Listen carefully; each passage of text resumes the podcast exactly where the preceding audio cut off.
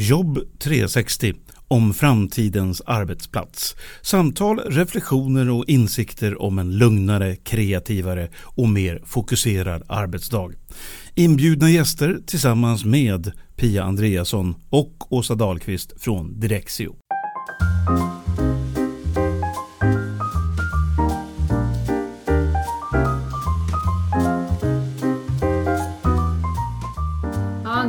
Till Tengbom Arkitekter, Pia. Vem ska vi träffa där? Vi ska träffa Torbjörn Hög, eh, en till arkitekt som har varit med länge när det gäller att ta fram dagens moderna kontorslösningar. Om jag förstått det rätt så sitter de själva i en aktivitetsbaserad miljö. Eh, Ja, det gör de. Men jag har för mig att de har skruvat lite på konceptet utifrån sina egna behov och, och tankar. Mm, Just det, det är så man ska göra faktiskt när man jobbar aktivitetsbaserat. Eller vad säger du? Ja, precis. Ja. Det har du ju faktiskt rätt i. Och du, de har ju sitt kontor här på Katarinavägen alldeles ovanför Slussen. Vilken utsikt de måste ha. Ja, nu är vi ju lite tidiga Pia, så vi får väl passa på att njuta av den där utsikten då när vi väntar på Torbjörn.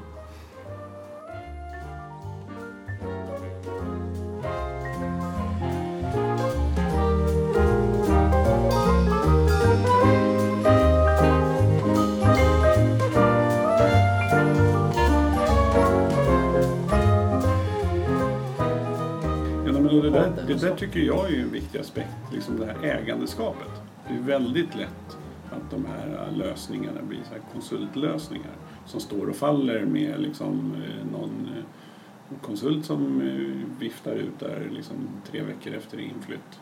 Ja, så när, Så när inredaren har gjort sitt och så Ja. vill de byta gardiner och så kan de inte göra det därför att det är ingen som har sanktionerat det utifrån. Ja men dels det och sen så att det, att det inte jag menar att inte ägandeskapet för just den här frågan kring hur ska vi arbeta och, och hur ska kontoret stödja det. För det hänger ihop. Jag menar om man inte äger den ena frågan så är det jobbigare att äga den andra. Så, Mm. Torbjörn Hög från Tengbom. Vi tänkte prata lite med dig om framtidens kontor här. Trevligt. Ja, Och vi sitter ju här på ert kontor Mm. Ja, på Söder. Och med den här fantastiska utsikten som ni har. Tänkte börja där. Hur, hur, hur tänker du? Ni har en jättevacker utsikt där. På vilket sätt hjälper det er här på Tengbom att göra fantastisk arkitektur och inredning? Vi har ju förmånen att ha kanske en av landets finaste utsikter. Än så länge innan de ska bygga hus framför här. Men, eh, det är ju det är en av anledningarna till att vi valde att eh, stanna kvar här för två år sedan när vi gjorde om lokaler och var, hade vuxit ur våra tidigare lokaler ute och tittade.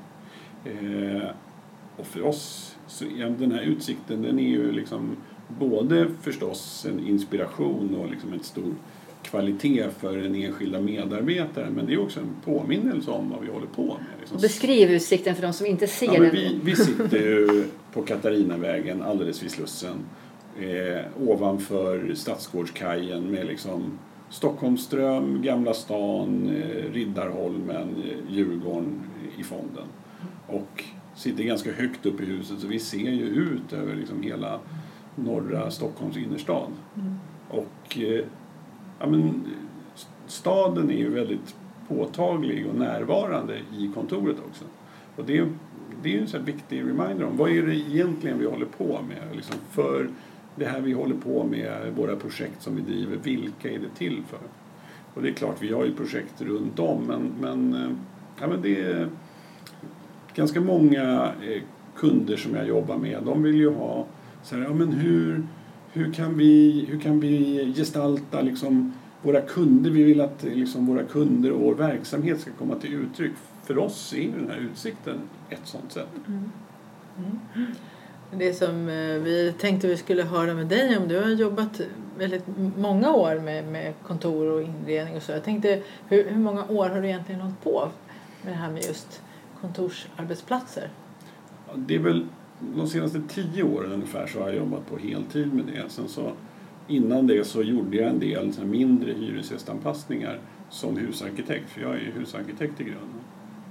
Okej, och vad, de, vad, på de här tio åren då, på, hur har det förändrats om vi tänker på vad, vad kunderna pratar om och vad, vad som var för tio år sedan och hur det ser ut idag när man pratar framåt? Det gäller Ja. kontor. Ja. Ja, men om man tittar på kontor, det går ju inte att komma undan liksom, det aktivitetsbaserade. Som ju för tio år sedan så hade det, det var liksom ett sånt där, mer som ett rykte än en verklighet kan man väl säga utifrån ett svenskt perspektiv. Eh, så det är ju en jätteförändring. Eh, sen är ju kopplat till det och det går inte, de går ju inte riktigt att skilja åt så är det ju den här eh, eh, digitaliseringen och hur du har påverkat kommunikationstekniken kanske mer än, än datortekniken. De här nya sätten att samarbeta och eh, möjligheterna både på distans och, och, och liksom i, samma rum att samarbeta, att dela information och så vidare. Det, det har ju påverkat otroligt mycket.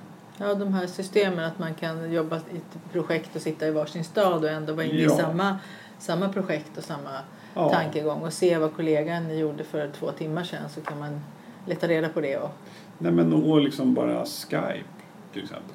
Hur det påverkar i grunden förutsättningen för att driva projekt på distans med varandra. Ja, när vi kom in i det här mötesrummet så satt det tre personer i rummet. Det var två fysiska personer och en sån här puck som pratade. Ja, Och när, när vi kom och då behövde de gå därifrån då tog de pucken och den pratade fortfarande när de gick ut ifrån rummet. Det kändes faktiskt lite surrealistiskt faktiskt. Mm. Men, men det är ju så det ser ut idag, precis som du men säger. det. Ja. Mm. Det är som mina tonårsbarn också. De har ju alltid någon kompis i sin iPad Mm. som kan sitta och titta på en helt plötsligt i köket eller var som helst. Så, så är det ju. Det är ju, det är verkligen en sån sak som är närvarande överallt. Jag funderar lite på andra trender som kan tänkas finnas. Det här med, med det här nya arbetssättet, rörligt arbetssätt, nya sätt att samarbeta. Det är som du säger, det säger ju också andra som jag har pratat med, en väldigt stark trend som inte går att komma ifrån. Men man har ju andra aspekter också. Det här med, med de här gröna kontoren, energiaspekten, återvinning och så här. Hur, finns det några tankar där som har slagit igenom eller är på gång in? Alltså, jag, jag tror ju att vi står lite grann i början av det. För att utifrån ett... Om man ser liksom kontoret och arbetsplatsen som en helhet. Så än så länge så är, har vi ju... Vi har ju jobbat väldigt mycket när det gäller energiförbrukning. Kan man säga. Och där har ju byggbranschen kommit väldigt långt. Den har ju gjort eh, otroligt stora framsteg jämfört med alla andra branscher egentligen. Eh, och när det gäller liksom miljövänlighet, giftfrihet och så vidare på inredning och byggnadsmaterial. Men det jag tror att vi står inför nu kanske inte kommer att påverka i grunden så mycket för användarna och eh, för liksom inredning och i den skalan. Men det är ju, det är ju liksom eh, det här koldioxidavtrycket. Livscykelperspektivet på eh, kontorsbyggande. Där jag tror att vi kommer få se mycket tuffare krav inom en ganska nära framtid. Är det krav från myndighetshåll Ja. eller från...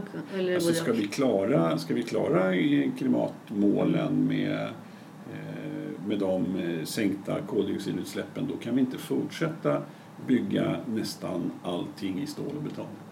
Vad är det för material som är framtidens Ja, miljö, Det är, hållbara ju, det material? är ju framförallt eh, det här massivträbyggandet som kommer nu i ganska stor skala. Jag håller på med ett projekt i, Stockholm här som är ett ombyggnadsprojekt, eh, lämpligt nog åt Naturvårdsverket bland annat som hyresgäst, eh, som är en massivträstomme och det blir ju, det är ju, gör ju en väldigt stor eh, påverkan på eh, koldioxidavtrycket över livscykeln också.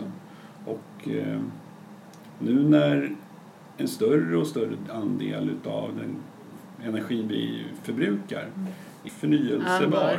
Och det gör ju att den här liksom förbrukningsenergin den blir ju mindre och mindre del utan det blir ju mer och mer vad vi bygger in i husen. Och det tror jag på sikt kommer påverka mycket. Men om jag förstod saken rätt så har betongbranschen också vaknat nu och insett att vi måste också gå med i den här klimat... Ja, det, finns ju, det finns ju nu eh, projekt för att göra mer eh, så att säga, koldioxidvänlig betongproduktion. Mm. Man har väl någon, eh, något pilotprojekt när man ska försöka så här, binda den här eh, koldioxiden och pumpa ner den i jordskorpan på något sätt. Ehm, och jag tror att Men jag tror att vi behöver ju, vi är i en situation där vi ska inte ha en lösning utan vi måste göra Mm. alla lösningarna. Mm. Och betong är ju ett fantastiskt byggnadsmaterial på många Mm. sätt. Men jag tror inte att vi om 20 år lika slentrianmässigt kommer att använda betong i alla situationer till allting. Kommer också själva kontorsytorna kunna se annorlunda ut på grund av att man ändrar material? Alltså kommer de som jobbar på, i de här byggnaderna se någon skillnad eller märka någon Men skillnad? det eller? tror jag också att man kanske... Vi har ju haft en period när vi har byggt in allting väldigt mycket. Och det, det har ju för och nackdelar men, men fördelen med trä som byggnadsmaterial är ju att du får ju en ganska hög eh, kvalitet på det redan som stomme. Så att det här behovet av att klä in och liksom dölja det här, Mm. det blir ju betydligt mindre. Mm. Alltså du tänker att man kan, när man har trä så kan man spara det rått men om du gjuter betong Ja. så vill du klä in det med något som är lite snyggare och Ja, trevligare så och är ser bättre ut. Ja. Mm. De här träkonstruktionerna blir ju ganska rena. Mm. Så det är ju en aspekt och liksom trä är ju ett, det har ju också helt andra fukt eh, eh, hur, hur det hanterar fukt, att det kan binda och avge fukt över året. Så att det har ju också förutsättning att vara ett hälsosammare, eh, skapa ett, ett hälsosammare klimat på det sättet. Sen finns det ju svårigheter med trä också men, men där är ju teknikutvecklingen ganska snabb om man hittar nya eh, det var ett jätteintressant träbyggnads, internationellt träbyggnadsseminarium i, i Stockholm här i, i vintras. Eller om det möjligtvis vi var i Göteborg. Jag var inte där, jag har läst en del. Mm. Men där tittar man bland annat på såna, eh, kompositkonstruktioner med trä och betong. Mhm. Som ett sätt att liksom ta det bästa utav två världar och klara ljudproblematiken med trä. Fast med kanske en, en femtedel så mycket betong som hade gått åt. Vad är ljudproblematiken med trä? Alltså, är. Trä är ju ett mycket lättare material än betong. Vilket ju är väldigt bra om man ser ur eh, grundläggningssynpunkt. Vi får lättare hus som är... Men eh, om man ska ljudisolera från en våningsplan till ett annat då är det här tunga betongbjälklaget superbra. Så att vi behöver göra, vi behöver liksom barlasta de här lätta träbjälklagen för att Det skulle vilja, får, jag, eh, får jag spinna vidare lite grann på hållbarhet Ja. ett tag till? Eh, Så tänkte jag fråga Pia här. Nej, såklart. Det. Eh, om man nu ska skapa ett nytt kontor åt sin avdelning eller sitt företag. Mm. Hur kan man då tänka hållbarhet? Förutom liksom, man kanske inte bygger nya liksom, hus men att man ändå ska liksom, göra om eller inreda annorlunda. Mm. Eller på ett nytt sätt. Eller? utgår från en sån där 70-talskorridor med cellkontor och lite Ja. glas och sånt. Och så ska man om- göra nytt. Om man tittar, om man tittar för liksom en genomsnittlig organisation så jag skulle säga att man kanske har tre så här, huvudsakliga sätt att påverka här. Mm. Det ena är ju när man eh, väljer lokal att man har ett hållbarhetstänk i det. Så att man kravställer, man ska inte bygga något eget hus men man, man har ju ändå liksom en valsituation. Och att, att tänka hållbarhet när man väljer lokal, att kanske inte bara kika på kronor och ören utan att eh, ha med eh, hållbarhetsaspekten i, i lokalsökningen. Även ett nu transportläge och hur måste folk åka bil dit? Alltså, finns transportläge, och kommunikationer, det är ju en otroligt, eh, det skulle jag vilja påstå att läget är ju nästan en av de starkaste urvalskriterierna hos de flesta organisationer. Mm. Sen är det ju lite beroende på vilken bransch man är i, lite beroende på vilken betalningsmöjlighet man har så påverkar det men, men givetvis möjligheten till kollektivt resande eller eh, bra cykelförbindelse är jätteviktigt. Men också se till att man har såna grejer som gröna hyresavtal och, och eh, liksom, eh, rätt elavtal, uppvärmning och så. Mm. Sen är det ju en annan sak och det, det kan jag säga det har ju vi gjort i vårt eget kontor här i rätt hög grad. Det är ju det ska vi säga att ibland är ju liksom ont om pengar en, en ganska bra drivkraft i hållbarhet. Mm. Varför då? Och eh, nej men, man blir ju tvungen att hushålla eh, med, med pengarna. Mm. Och, Man kan inte eh, konsumera så mycket. Nej men om man konsumerar mycket så har ju det en stor miljöpåverkan också. Och i vårt eget kontor här så är ju, vi har ju återanvänt en väldigt stor del av planlösningen här. Eh, och det var ju både ur ett hållbarhetsperspektiv men också rent krasst ekonomiskt. Mm. Att vi, vi ville helt enkelt inte lägga mer pengar på att riva och flytta väggar utan vi har ärvt mycket av planlösningen från tidigare hyresgäst. Vi har tagit bort en del väggar, vi har kompletterat på några få ställen. Men, men just det där att inte eh, så slentrianmässigt liksom börja från noll, riva ut allting och göra om utan att försöka i så mycket det går använda det som finns. Eh, är ju förstås bra. Ja. Och, sen, det, och det gäller ju även för inredningen. Att inte tänka sig att man, man kanske inte måste eh, ha allting nytt. Mm. Och även om man kanske inte har de möbler som man behöver så kan man också köpa begagnat. Jag vet att det där är en utmaning för, eh, för de- statliga. De, de, kan, de är liksom bundna av de statliga ramavtalen och där finns ännu inte den möjligheten. Nej. Mm. Men man kan ju återanvända det man har redan. Man kan också se till att det man inte har användning för, att det tas om hand på ett ansvarsfullt sätt och i, i, i mesta möjliga mån återanvänds i någon annan organisation, någon annanstans. Och ibland kan man ju tjäna pengar på att sälja dem. Ibland så kanske man måste skänka dem för att bli av med men det är ju ändå bättre att det används. Mm. Det här med, med återvinningen och, och hållbarhetsperspektivet tycker jag är Mm. intressant. För att jag har ibland tagit upp det. Eh, både när jag har varit och utbildat och berättat att det här är en del av aktivitetsbaserat eh, tänket. Mm. Att man faktiskt inte ska inreda, belysa, ventilera, städa eller ens bygga ytor som man inte behöver. Nej. Med tanke på den här den genomsnittliga användningsgraden för en kontorsplats idag ligger någonstans runt 50 procent. Mm. Det är ju inte så att alla kan minska antalet skrivbord med 50 procent men just att man tittar över hur mycket behöver vi och sen inte har mer än så. Ja.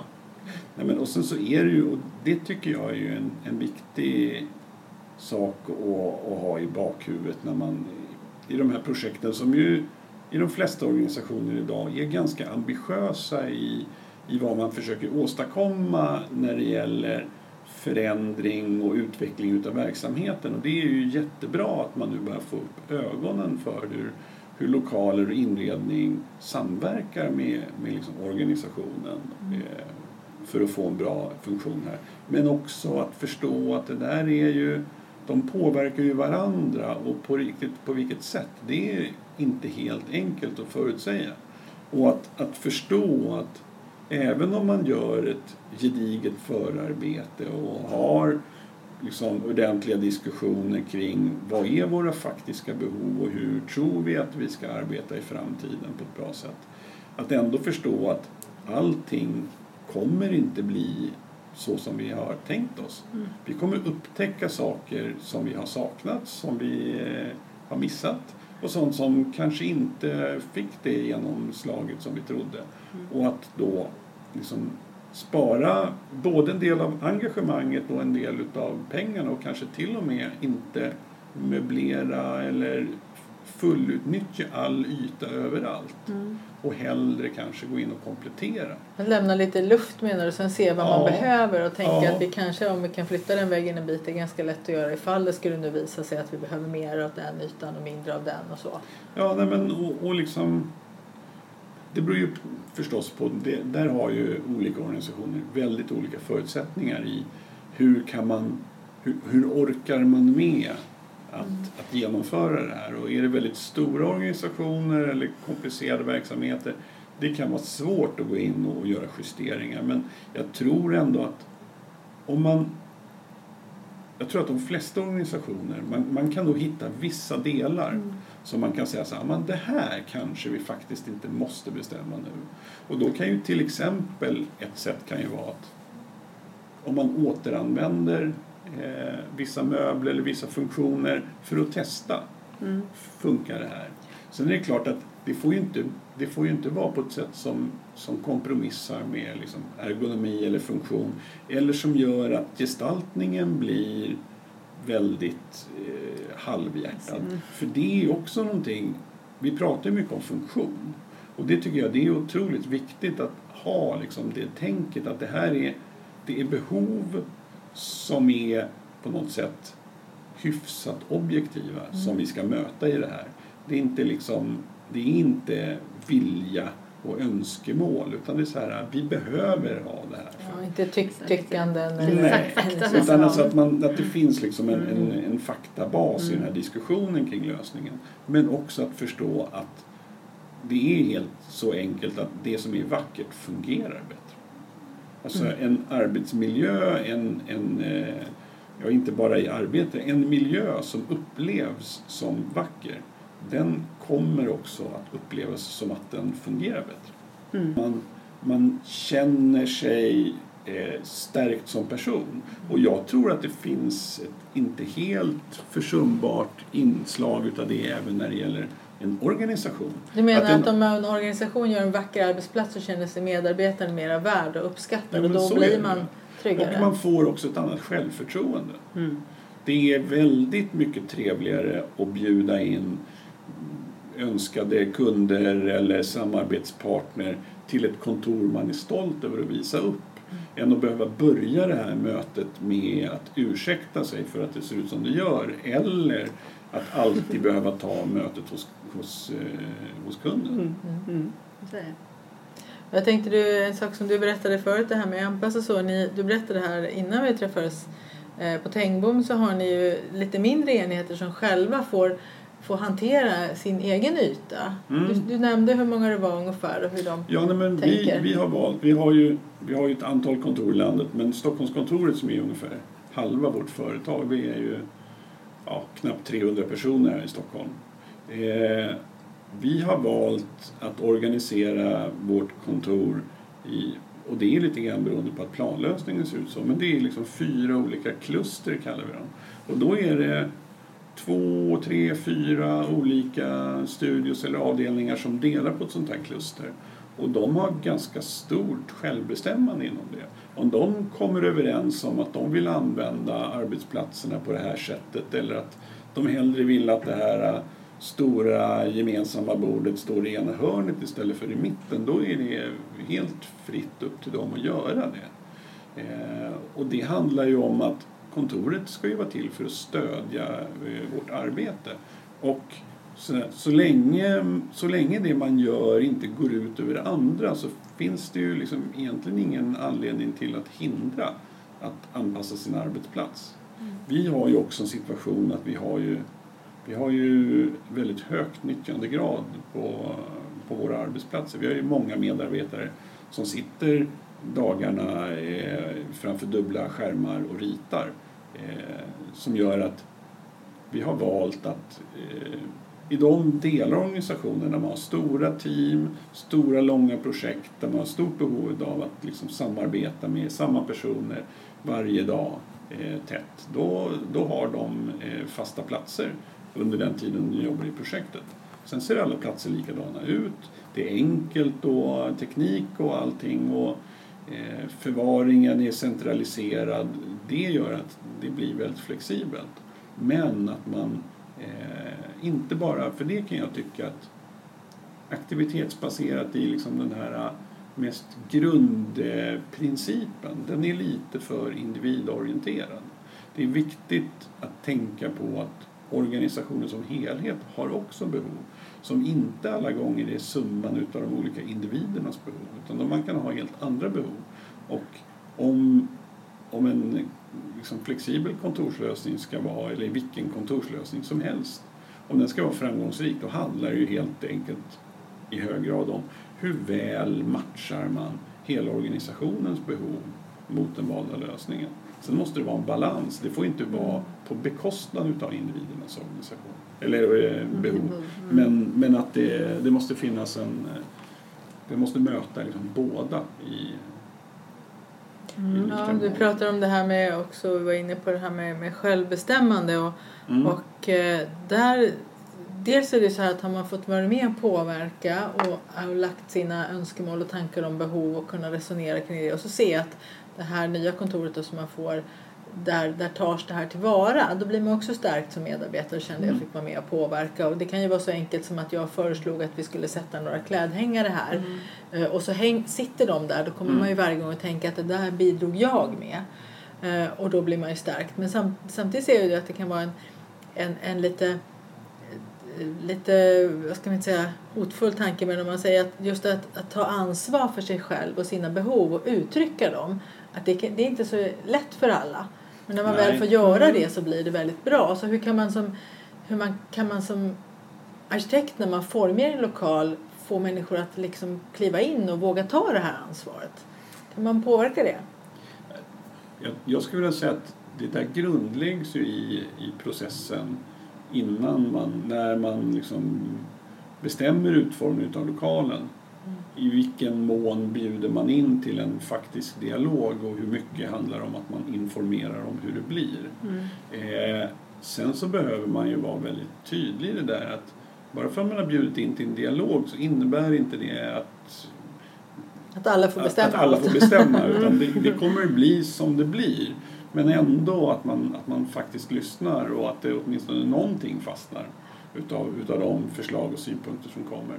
Och där tror jag att man, man måste ju vara lite mjukhård. Eh, och då gäller det ju, vilket jag skulle vilja säga att det är ju nästan den här eh, viktigaste förutsättningen för ett lyckat projekt. Oavsett vilken lösning man väljer. Och det är ju att man dels eh, väl har kommit överens om vad det är man ska försöka åstadkomma. Och sen att man har eh, verksamhetens ledningsstöttning för det här och liksom aktiva deltagare. Om, om det inte är så att, att ledningen står bakom projektets eh, mål och, och det man försöker åstadkomma då kommer det ju alltid bli den här konflikten mellan det här som någon har hittat på och det som vi behöver. Mm. Så att man, det får inte bli, alltså, och det är ju samma sak där, det här ägandeskapet och att ta, ta det här vidare in i vardagen. För att inga förändringsprocesser i världen kommer ju liksom orka med och driva igenom det här om det inte, om det inte är grundat i verksamhetens behov. Mm. Det är ju mycket viktigare än, än vilken typ av lösning man väljer. Ja. Och när ni kommer in i projekt, är det så att man ofta har gjort en sån här analys, en behovsanalys eller har en arbetsplatsstrategi eller, och vet liksom vad, vad man vill eller hur ser det ut? Det är nog ganska olika. Mm. Det finns ju de som har gjort ett, ett väldigt gediget förarbete. Sen är det ju också så att det, det finns ju projekt som man, eh, där man kommer in där man har fattat beslut men man kanske inte alla gånger är liksom riktigt 100% eh, klar på dels vad det här beslutet egentligen innebär men också liksom, man kanske inte har orkat eh, formulera varför man fattar det här beslutet. Och det kan ju, alltså de här sakerna, det ska man ju förstå att mycket av det här är ju rätt långt ifrån verksamhetens eh, liksom vardag. Ja, precis. Det Det här här, är är- ingen kompetens som de Nej. håller på att jobba med hela, hela Nej, tiden. Liksom. utan det här är Nej. ju någonting som de som dyker upp på en agenda till något ledningsgruppsmöte och så ska Mm. man, det kan ju vara ganska jobbigt att ta ställning till. Och jag tror att ibland så finns det ganska en, en känsla av att det är ganska mycket som förväntas av. Mm. Och, ehm, och det är just det där, när, jag, jag tror att det är jättefarligt att man, att man fattar, liksom, organisationer där när man fattar beslut som man inte riktigt vet varför man har fattat. Mm. Det är så här, om man inte kan eh, tydligt på någon sån här eh, medarbetarträff motivera varför gör vi det här? Då ska man ju fundera över, ska vi verkligen göra det då? Om, vi, om vi faktiskt inte kan sälja in det här själva. Mm. Sen kanske man behöver hjälp med det. Men, men eh, Och sen om man vänder på myntet, om man verkligen kan, vet att det här gör vi därför Ja. att, så blir processen Ja. så mycket lättare för då har man ju stöd i det hela tiden. Nej, men och det ser vi ju i de projekten som ju har varit väldigt lyckade. Där har vi ju haft ett stort engagemang och där har man ju vetat vad är det vi ska uppnå med det här? Varför gör vi det här? På vilket sätt är den här eh, den här lösningen eller den här förändringen eller vad det nu är. På vilket sätt är den viktig för vår verksamhet? Hur stödjer den vår verksamhet? Vad är kritiskt i den här? Och det är också så att har man, har man orkat igenom det, då blir ju processen mycket lättare. Då får man mycket bättre argumentation och då blir det också en mer konstruktiv dialog med verksamheten. Ja. Det blir liksom inte en fråga om varför utan det blir en fråga om hur. Ja, man Mm. landar, Mm. När man har svarat på varför så kan man Mm. landa i Ja. hur. Ja, precis. Mm. Ja, ja, det är där klassiska Ja. frågeprocessen Start with Mm. why som Mm. Simon Sinek säger. Och har man det klart för sig så kommer man mycket lättare vidare. Ja. Ja, Ja, jag har kanske inte någon mer fråga. Jag tänkte bara säga att det, som du började med det här med ett eh, aktivitetsbaserat kontor som från början var ett rykte men som nu är Mm. verklighet tyckte jag var, ska jag ta med mig. Det var en ganska rolig beskrivning av, av det här. Liksom, Ja, med- för nu finns det ju väldigt många kontor i Sverige som har det Ja. så här. Och det Mm. jag tycker är roligt med, med Sverige, som jag är lite stolt i, att det är många kommuner och offentliga förvaltningar som gör det här. Det är inte de Mm. som brukar gå före och anamma såna här saker, men här är det nästan tvärtom. ja. Att det känns som att de är mest på hugget. Och det tycker jag säger positiva saker om svensk offentlig förvaltning. ja att de, vågar tänka nytt. de kan överraska många gånger.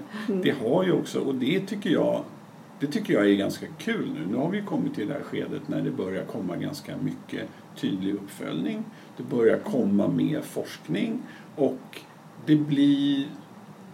Jag börjar kunna ana en, snart en mer nyanserad eh, diskussion kring de här frågorna. Ja, det Det är vore ju- skönt. Det är fortfarande ganska mycket så här bredsidor men jag tycker det är ju lite grann eh, journalister och hur man väljer att vrida till det här. Mm. Men för det ska vi ju erkänna att det är ju en lärande kurva. Och det är ju inte alla genomförda projekt som har blivit jätteväl lyckade. Nej. Men vi börjar ju lära oss liksom, vad är de stora fallgroparna? Eh, hur kan vi göra det bättre? Både när det gäller processer och lösningar. Och jag vet inte, jag har ju svårt det är som alla såna här, det är ju en liten disruptiv eh, paradigmskifte. Det är ju väldigt Mm. svårt att tänka sig att gå tillbaks till eh, en situation där den enda lösningen är liksom ett helt statiskt kontor. Mm. Både när det gäller liksom tekniken och det rumsliga. Ja, skruva fast folk i väggen igen som det Ja. var för 15-20 år sedan. Då Ja. satt vi fast i väggen på riktigt. Mm. Eh, Jag menar, samhället ser inte ut så. Sen, så, eh, sen behöver man vara lyhörd efter som sagt de individuella behoven och organisationens behov. Men eh, ja, Hur, det, så, är- hur såg ditt mycket första... Mer, Förlåt. Ja. ja, det är en mycket mer spännande situation idag. Ja. Mm. Ja. Hur såg ditt, ditt första kontor, ditt första jobb när du hade din egna liksom, kontor? Eller egna arbetsplats? Eh, då satt jag eh, i ett delat rum. Eh, vi var väl fyra personer som satt där i en före detta mjölkaffär. Mhm. Praktiserade jag. Ja. Ett litet eh, kontor här på Södermalm. Mm. Vi hade ett eh, segel ifrån en eh, gammal folkbåt uppspänt i taket. Ah, Som lite akustikdämpning. Ah, härligt. Det låter härligt. Ja, tack så Ja, hemskt mycket. Tack, tack ja. Torbjörn. Tack!